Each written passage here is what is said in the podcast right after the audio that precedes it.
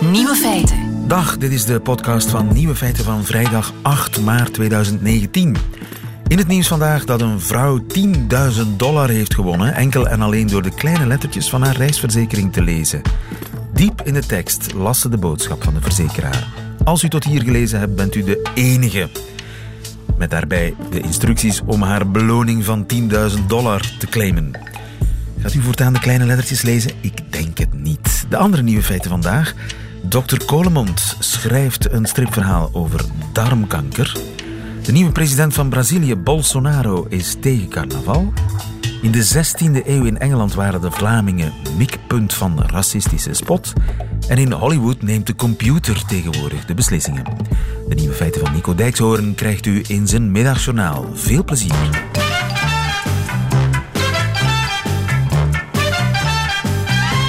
Nieuwe feiten. Een dokter die een stripverhaal schrijft, dat gebeurt ook niet elke dag. Goedemiddag, dokter Kolemond. Goedemiddag, lieve. U bent de darmkankerspecialist. Kunt u tekenen, dokter? Wel, ik uh, heb iemand die goed kan tekenen. Ik heb mee het scenario geschreven en we hebben een heel goede tekenaar gevonden die dan hetgeen wat wij in gedachten hadden heel mooi uitgetekend heeft. En de strip heet Dirk. Wie is Dirk? Ja, Dirk is een uh, eh, 50-jarige geschiedenisleraar die gescheiden heeft, die twee kinderen heeft, die voor zijn 50ste verjaardag een citytrip cadeau kreeg naar Italië en op terugweg in het vliegtuig onwel wordt en uiteindelijk in het ziekenhuis belandt. En daar wordt de diagnose van darmkanker gesteld. En dan begint er een rollercoaster van emoties. Het is een heel spannend verhaal. Het is ook een ontroerend verhaal. Ik denk een verhaal waar heel veel mensen zich in herkennen. En dat is wat we uiteindelijk ook bedoelden, of als doelstelling hadden. Ook een boodschap meegeven van doe de test. Laat uw stoelgang op tijd nakijken. En die test die moet echt iedereen doen. Wel, het is zo dat de Europese Commissie of de Europese richtlijnen zijn van alle mannen en vrouwen tussen de 50 en de 74. In Vlaanderen op dit ogenblik krijgen alle mannen en vrouwen tussen 51 en 74. In Amerika raadt men aan van vroeger te beginnen vanaf 45. Maar in Vlaanderen doet op dit ogenblik maar 51% van de mensen mee. Dus bijna de helft doet niet mee. En dat getal moet veel hoger. Maar dat zijn mensen natuurlijk die denken dat zij zeer gezond leven en dus immuun zijn voor darmkanker. Ja, daar schuilt het probleem natuurlijk. Hè. Dat uh, mensen denken van, het komt bij mij in de familie niet voor, uh, ik leef gezond, ik sport regelmatig, ik heb geen overgewicht, ik drink niet veel. En dan slaat plots het noodlot wel toe. Hè. Een gezonde levensstijl doet uw risico verminderen, akkoord, met ongeveer 25 procent. Maar het is absoluut geen garantie om geen darmkanker te krijgen. En er vroeg bij zijn is in deze cruciaal. Ja, is cruciaal. Dat is eigenlijk ook het goede nieuws van darmkanker. Want af en toe moeten we dat toch onderstrepen. Het goede nieuws is, als men er op tijd bij is, wij noemen dat in stadium 1, een beginfase, dus een beperkte ziekte, geen klieraantastingen, geen uitzaaiingen, dan wordt het plots goed nieuws. Want dan heeft men meer dan 90% kans om te genezen. Dat initieel slechte nieuws, mevrouw, meneer, u heeft darmkanker, wordt enkele dagen na de ingreep goed nieuws. Mevrouw, meneer, u bent genezen. U heeft geen chemotherapie nodig, u heeft controles nodig, maar we waren er op tijd bij en u bent genezen. En dat is het goede nieuws. Jammer genoeg vinden we nog te weinig mensen in die vroege stadia en dat moet dus ook beter. Die test, is dat ingewikkeld? Die test is, lieve, laat het mij in één woord samenvatten, die test is uh, poepsimpel. Dat is een uh, klein staafje, uh, klein staafje dat de mensen toe, toegestuurd krijgen van de Vlaamse overheid, of dat bij de apotheek te kopen is een zelftest. Men moet dat staafje, we vergelijken dat vaak met een mascara-test, het borstel dat de dames gebruiken voor make-up, moeten ze in de stoelgang enkele malen prikken en in het buisje terugsturen en opsturen. Um, dat noem ik dus poepsimpel en dat is echt niet moeilijk. Mensen denken altijd dat het begint met dat moeilijk darmonderzoek waarvoor ze naar het ziekenhuis moeten. Nee, deze test kunnen ze thuis, misschien best niet in de living, maar ze kunnen dat toch in de badkamer of in het toilet doen. En dat is eigenlijk de raad die ik aan alle luisteraars heb. Doe die test. Zo simpel is de boodschap. Het kost niet veel. Nee, de test uh, voor de Vlaamse overheid stuurt die zelfs gratis op, dus die kost niks, 0,0. Uh, wanneer je naar de apotheek gaat omdat je de test nog niet krijgt omdat je te jong bent, of dat je de test niet meer krijgt omdat je te oud bent, dan kost je dat rond de 15 euro om de twee jaar dat lijkt me ook geen onoverkomelijke kost. Maar dus ook uh, mensen buiten die leeftijdscategorie 50-75, raad u aan, doe de test. Ja, absoluut. Waarom? Omdat uh, een kwart van de mensen is ouder dan 74 en dus die mogen we niet in de kou laten staan. 20 tot 25 procent. En jammer genoeg, meer mensen, meer jonge mensen krijgen ook darmkanker. Dus we moeten niet wachten tot 51. Ik heb al gezegd dat de Amerikanen voorstellen vanaf 45. Ik denk dat dat correct is. En ik denk ook dat, zoals trouwens nu meerdere bedrijven ook doen, de test gratis aanbieden aan hun personeel. Dat men niet moet wachten tot 51 om die test te doen. En die strip die wordt op grote schaal verspreid? Wel, uh, ik zeg altijd, we, als je tegen darmkanker strijdt, dan moet je ambities hoog leggen. Hè. Dat doen wij ook. We hebben die onmiddellijk uitgebracht in drie talen, of eigenlijk in vier talen. Hè. In het Nederlands, in het Frans heet hij Jean, in het Engels heet hij John. En er is ook een Antwerpse editie, hè. Dat is, uh, is ook een wereldtaal. Hè. Maar uh, we hebben al een aanvraag gekregen uit Polen, we hebben een aanvraag gekregen uit Macedonië. We zijn bezig met de Italiaanse vertaling. Het is een internationaal maatschappelijk probleem. Hè. 1 op 20 mensen wordt ermee geconfronteerd. En ik heb gewoon te veel miserie van darmkanker gezien. En ik denk dat met een stripverhaal een moeilijk probleem op een redelijk eenvoudige manier aan het brede publiek die boodschap van doe de test, van die door te brengen, dat dat eigenlijk een ja, mooi middel kan zijn. En die test, of die strip liever, wordt die dan uh, verspreid in dokterskabinetten? Wel, die kan gewoon bij de, wat men altijd noemt, de betere boekhandel. Hè. Ik ga geen namen noemen, maar uh, de boekhandels hebben hem. Hij ligt daar. Ik ben zelf het eerste exemplaar gaan kopen. Zo is er toch al één exemplaar verkocht. Maar ik heb op sociale media toch al gezien dat in Kortrijk, in Hasselt, in Roeselare mensen de strip ook kopen. Uh, die komt onder andere in wachtzalen, want er zijn bedrijven die die ook aan huisartsen ter beschikking stellen. Um, maar het is iets dat door iedereen kan gelezen worden. Het is een spannend verhaal. Het is een volwassen strip. Het is mooi getekend, het is vooral mooi ingekleurd door die Italiaanse mevrouw Maria Cristina Federico. Die Italiaanse namen zijn altijd heel mooi, maar ze heeft niet alleen een mooie naam, ze heeft het ook heel mooi ingekleurd. Ik weet wat mij te doen staat. Dankjewel. Ja, de striptekenaar, ja. die naam hebben we nog niet genoemd. Hij heet... Ja, Mario Boon, een uh, uitgeweken Limburger. Dus ik heb daar een bondgenoot in gevonden. Die woont nu in het Gentse en die heeft dat prachtig getekend. Dr. Collemond, dankjewel en tot zondag in Touché bij Friedel. Goedemiddag. Ja, inderdaad. Oké, okay, bedankt hè. Dag. Nieuwe feiten. De nieuwe president van Brazilië, Bolsonaro, die heeft zijn land op de ziel getrapt met een negatieve tweet over carnaval. Nina Jurna, goedemiddag. Goedemiddag. Nina, je bent uh, correspondent Zuid-Amerika. Jij woont in Rio. Wat stond er in die tweet? Nou, Bolsonaro heeft een filmpje geplaatst. Dat is een, ja, een zeer pornografisch, pikant filmpje, om maar even zo te zeggen. Waarin je ziet dat uh, twee mannen op een blokko dansen. Dat is een straatevent tijdens het carnaval. Eén man die heeft een, uh, ja, een string aan en schudt met zijn billen en houdt zijn aders ook open. En de andere man plast over hem heen. En Bolsonaro heeft erbij gezet: Ik voel me niet prettig uh, om dit te delen. Maar uh, is dit nu wat, wat carnaval verworden is en willen we dit met z'n allen? Nou, hij heeft miljoenen Brazilianen hiermee gekwetst, want hij suggereert dat dit de norm is tijdens carnaval. En ja, hij is een hele conservatieve president en, en, zegt eigenlijk hiermee van moet carnaval niet worden afgeschaft. Nou, en dan trap je de Brazilianen echt op hun ziel. En was carnaval ook boos op hem? Ik bedoel, heeft hij gefigureerd in de, de spotprenten en de, en de spotpraalwagens? Dat viel ontzettend op dit jaar. Ik woon hier nu een aantal jaren, maar uh, carnaval was in mijn ogen dit jaar politieker dan ooit. En uh, veel, uh, ja, veel satire rondom Bolsonaro. Hij verscheen in, in, in afbeeldingen. Slogans van hem werden op een andere manier vermeld. Um, het was veel politieker dan ooit. Er was bijvoorbeeld de winnaar van dit jaar, de winnende samba-school.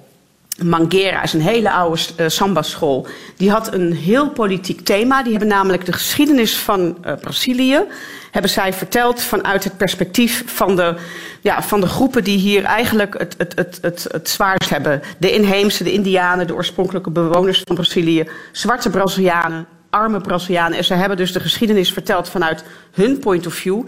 Iets wat Bolsonaro ook het liefst wil veranderen. Want hij vindt het geschiedenisonderwijs vindt hij ook communistisch, uh, met een communistische inslag. Hij wil dat allemaal veranderen. Nou, zij hebben dus een ode gebracht aan de geschiedenis die niet verteld wordt. En ook aan een politica die vorig jaar vermoord is. Een zwart uh, raadslid, Marielle Franco. Zij is een jaar geleden vermoord. Nog steeds om opgelost wat er gebeurd is met haar. Er is ook niemand voor berecht. En daar hebben zij ook, zij hebben haar ook vereerd tijdens het carnaval. En dat is ook een heel duidelijk statement uh, richting Bolsonaro, die eigenlijk, uh, ja, dit, alles wat zij afbeelden op die wagens van hun, dat, ja, hij wil afrekenen met de Indianen, hij wil de grond in de Amazone openstellen. Hij is, heeft racistische opmerkingen tegen zwarte, um, zwarte Brazilianen gemaakt. Um, mensen in de favela heeft hij denigerend over gedaan. Dus dat was een heel duidelijk protest, eigenlijk ook tegen Bolsonaro. En dat zag je heel duidelijk dit jaar. Dus het was een zeer activistisch uh, carnaval dit jaar tegen Bolsonaro. Dus die, die boze tweet van Bolsonaro was min of meer een reactie daarop. Maar ja, Brazi Ook, in ja, Brazilië is, is carnaval echt heilig. Hè? Wij kunnen ons dat moeilijk voorstellen wat dat betekent. Ja, je kunt je eigenlijk niet voorstellen. Kijk, uh, uh, Nederland, België, ja, daar, daar, is het het feest. Maar het is, hier in Brazilië is het gewoon de nationale identiteit. Het is mensen leven het hele jaar voor carnaval. Iedereen is ook aangesloten bij een carnavalsvereniging. Samba school noemen ze dat hier. Daar leef je naartoe. Je begint al met trainen uh, ruim acht, negen maanden voor het carnaval. Ze zeggen wel eens van nou, na de carnaval beginnen ze alweer hè, met trainen voor het volgende carnaval. Het is ook een vakantieperiode.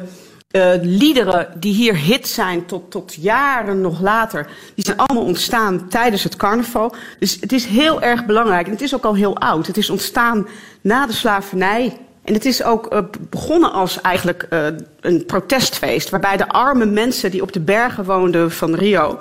dat die dan één keer per jaar naar beneden gingen en zich mengden verkleed tussen de rijken. En dan zag je ook het verschil niet. Dan, dan konden ze ook van achter hun maskers durfden ze dan ook kritiek te leveren op de situatie. Dus het is van oudsher is het eigenlijk ook een activistisch feest.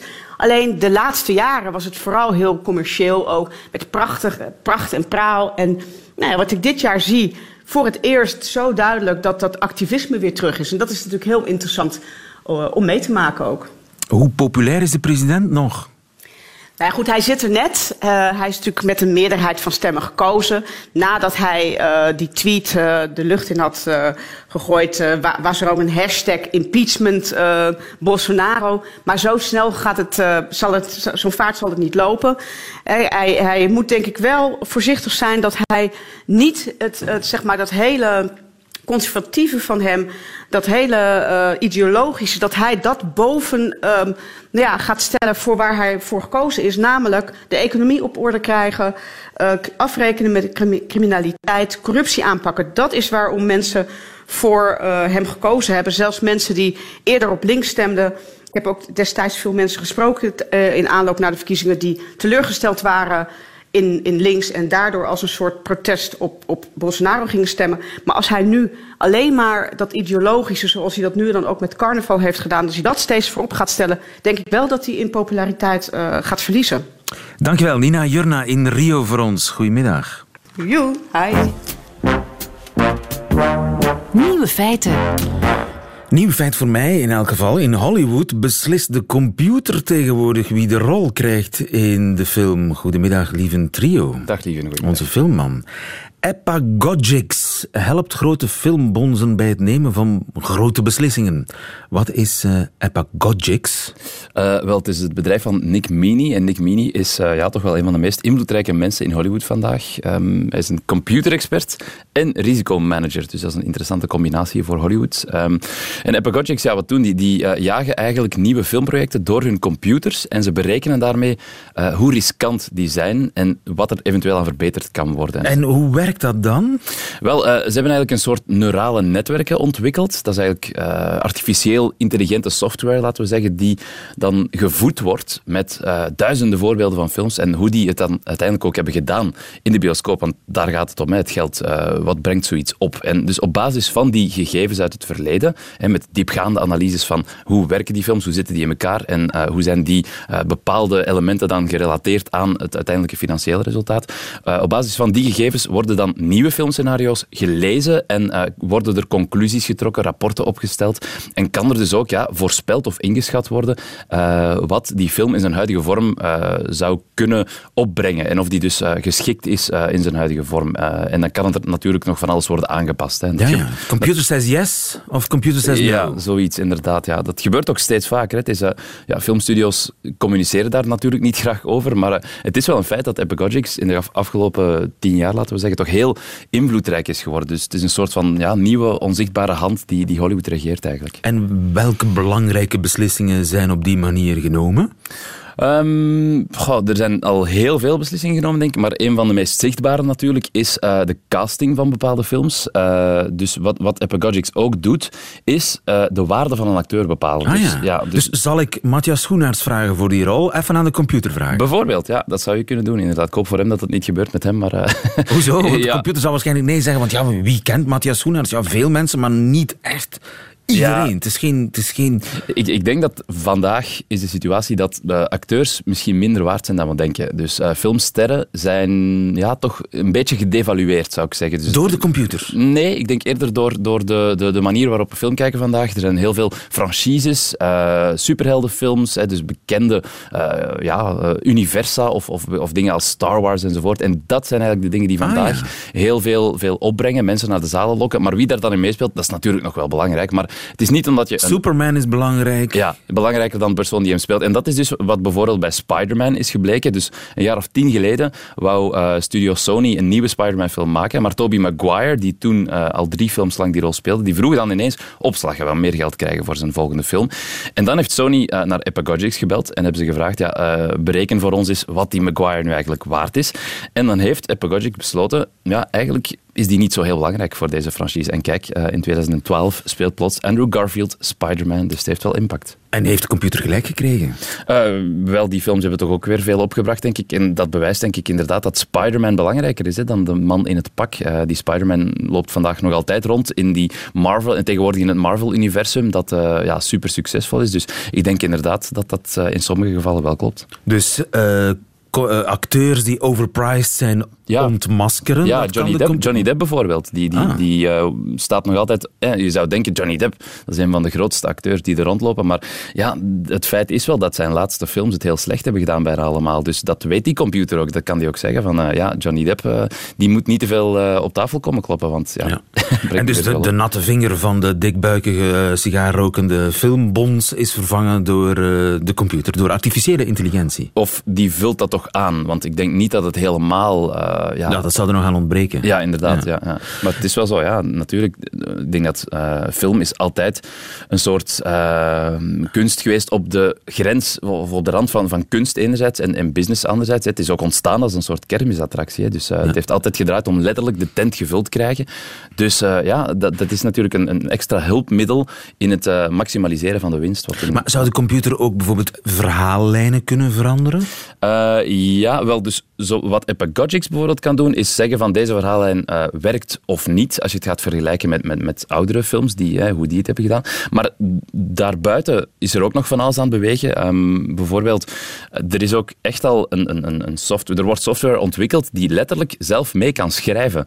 Um, dat, dat, dat, staat ons ook nog te wachten. Absoluut. Schrijft, ja, dat, schrijft het scenario. Het gebeurt nu al, ja. Um, het is te zeggen, het staat nog in kinderschoenen, dat is heel duidelijk, maar het gebeurt wel al. Je moet maar eens op YouTube gaan kijken, er is daar een, een kortfilm, die heet Sunspring, kan ik iedereen heel erg aanraden. Het is een zeer bijzondere ervaring. En die is dus helemaal geschreven door een algoritme. Een algoritme dat, dat gevoed was met uh, de scenario's van honderden science fiction films. Dus het is ook een science fiction film. Dat algoritme heeft zelfs een naam. Het heet Benjamin. En dat scenario van die Benjamin is dan door een menselijke regisseur verfilmd. En dat is echt heel, heel bijzonder om naar te kijken. Bizarre dialogen als uh, I have to go to the skull, wordt er uh, op een bepaald moment gezegd. Heel vreemd. I have dus to go to the skull, ja, wat betekent dat? Dat betekent niks, maar het is een soort van samenvoeging van elementen uit vroegere uh, scenario's. Maar het is toch opmerkelijk hoe het heel dicht in de buurt komt al van iets dat uh, ja, bestaand is of, of, of dat, uh, dat iets betekent, maar toch ook nog niet helemaal. Maar dat zit er echt wel aan te komen, want ja. de bedoeling is dat zo'n ja, zo'n algoritme in de toekomst niet helemaal autonoom zou gaan schrijven, maar dat het wel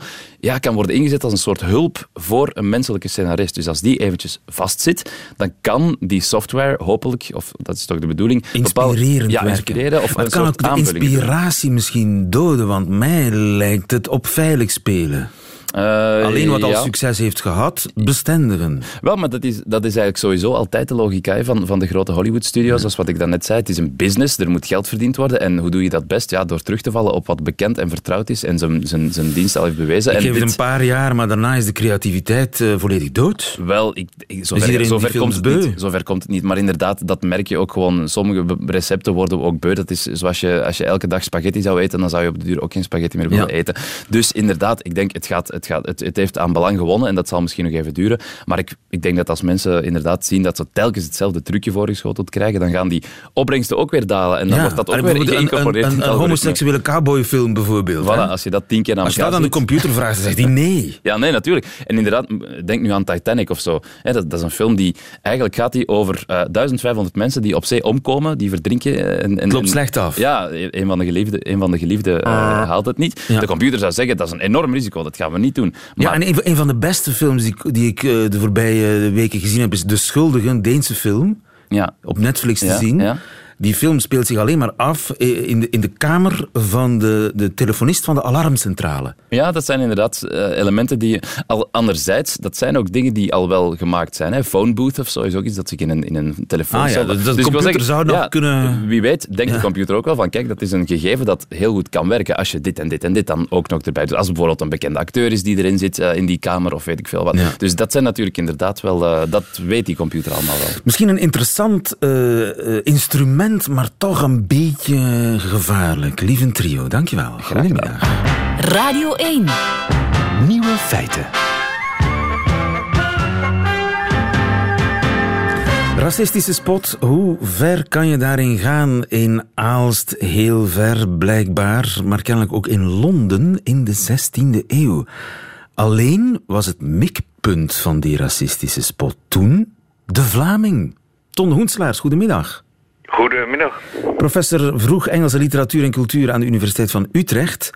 Eh, Harry de Pape, de auteur van eh, boeken over Englishness, die heeft eh, een intrigerende prent getweet van ene Hans Bierpot of Hans Bierpot. Kent u die? Ja, die ken ik. Ja, die, die circuleert wel in ons, in ons vakgebied, ja. En dat was een Vlaming.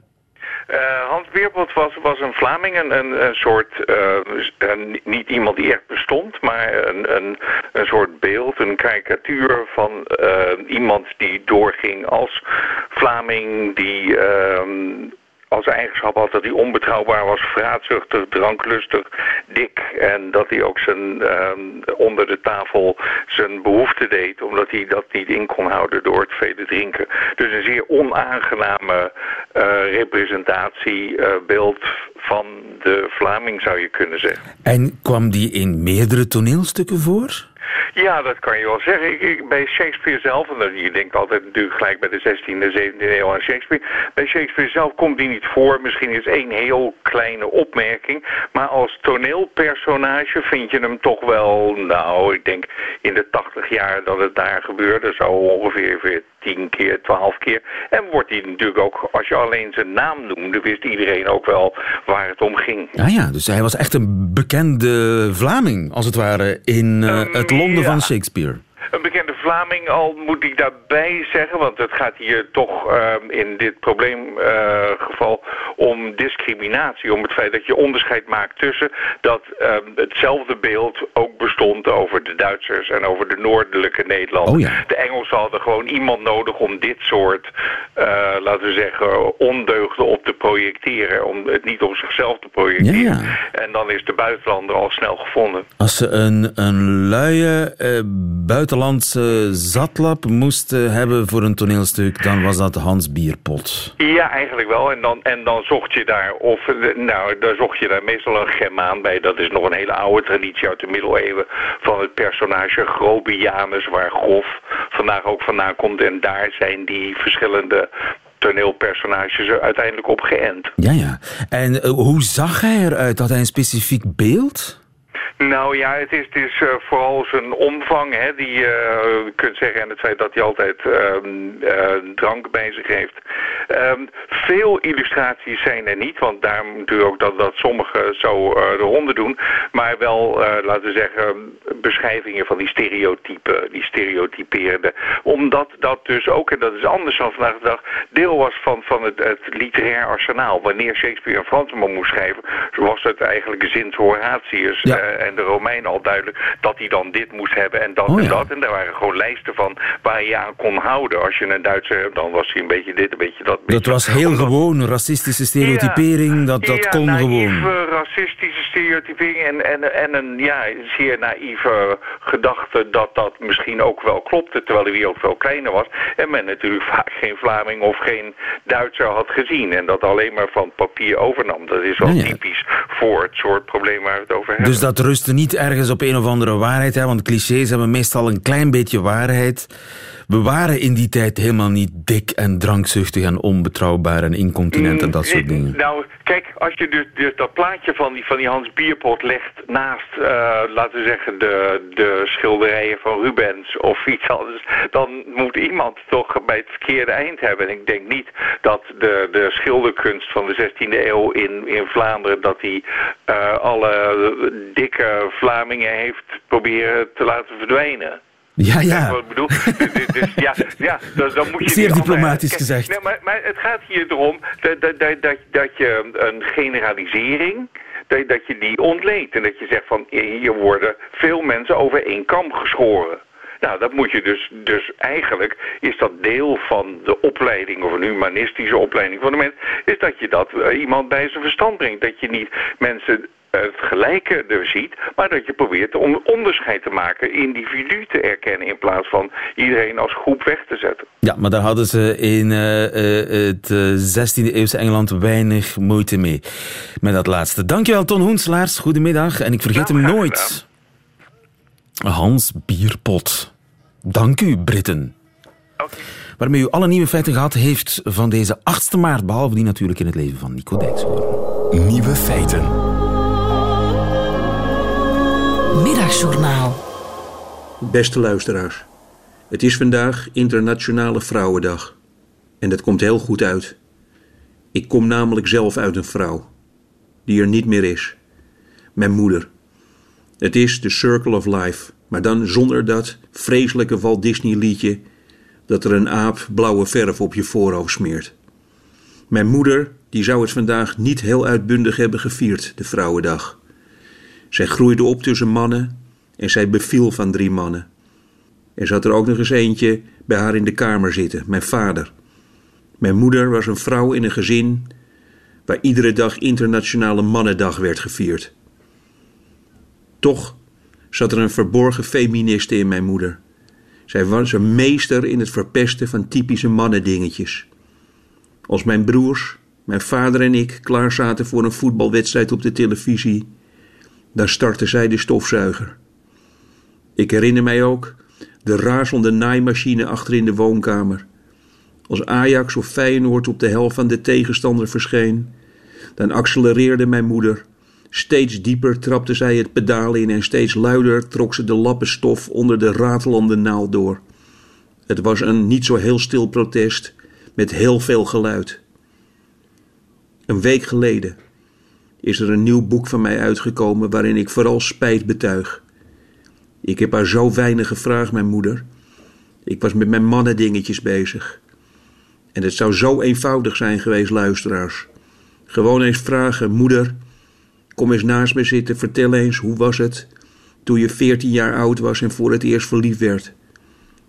Of ik had kunnen vragen, moeder, vertel eens, toen je 10 jaar oud was, welke smaak ijs vond je toen het lekkerst? Ik heb haar dat nooit gevraagd. Ik was vooral bezig met de kleur van mijn gitaar. En dat vind ik nou zo jammer. Dus luisteraars, of u nu een man bent of een internationale vrouw, wilt u mij iets beloven? Als uw moeder nog leeft, bel haar dan vanmiddag of bezoek haar vanavond en vraag haar: Moeder, wanneer zag u voor het eerst de zee? Wanneer zag u voor het eerst een berg? En wat voelde u daarbij, moeder? En laat haar daarna uren praten. Ik wens u allemaal een hele prettige Vrouwendag.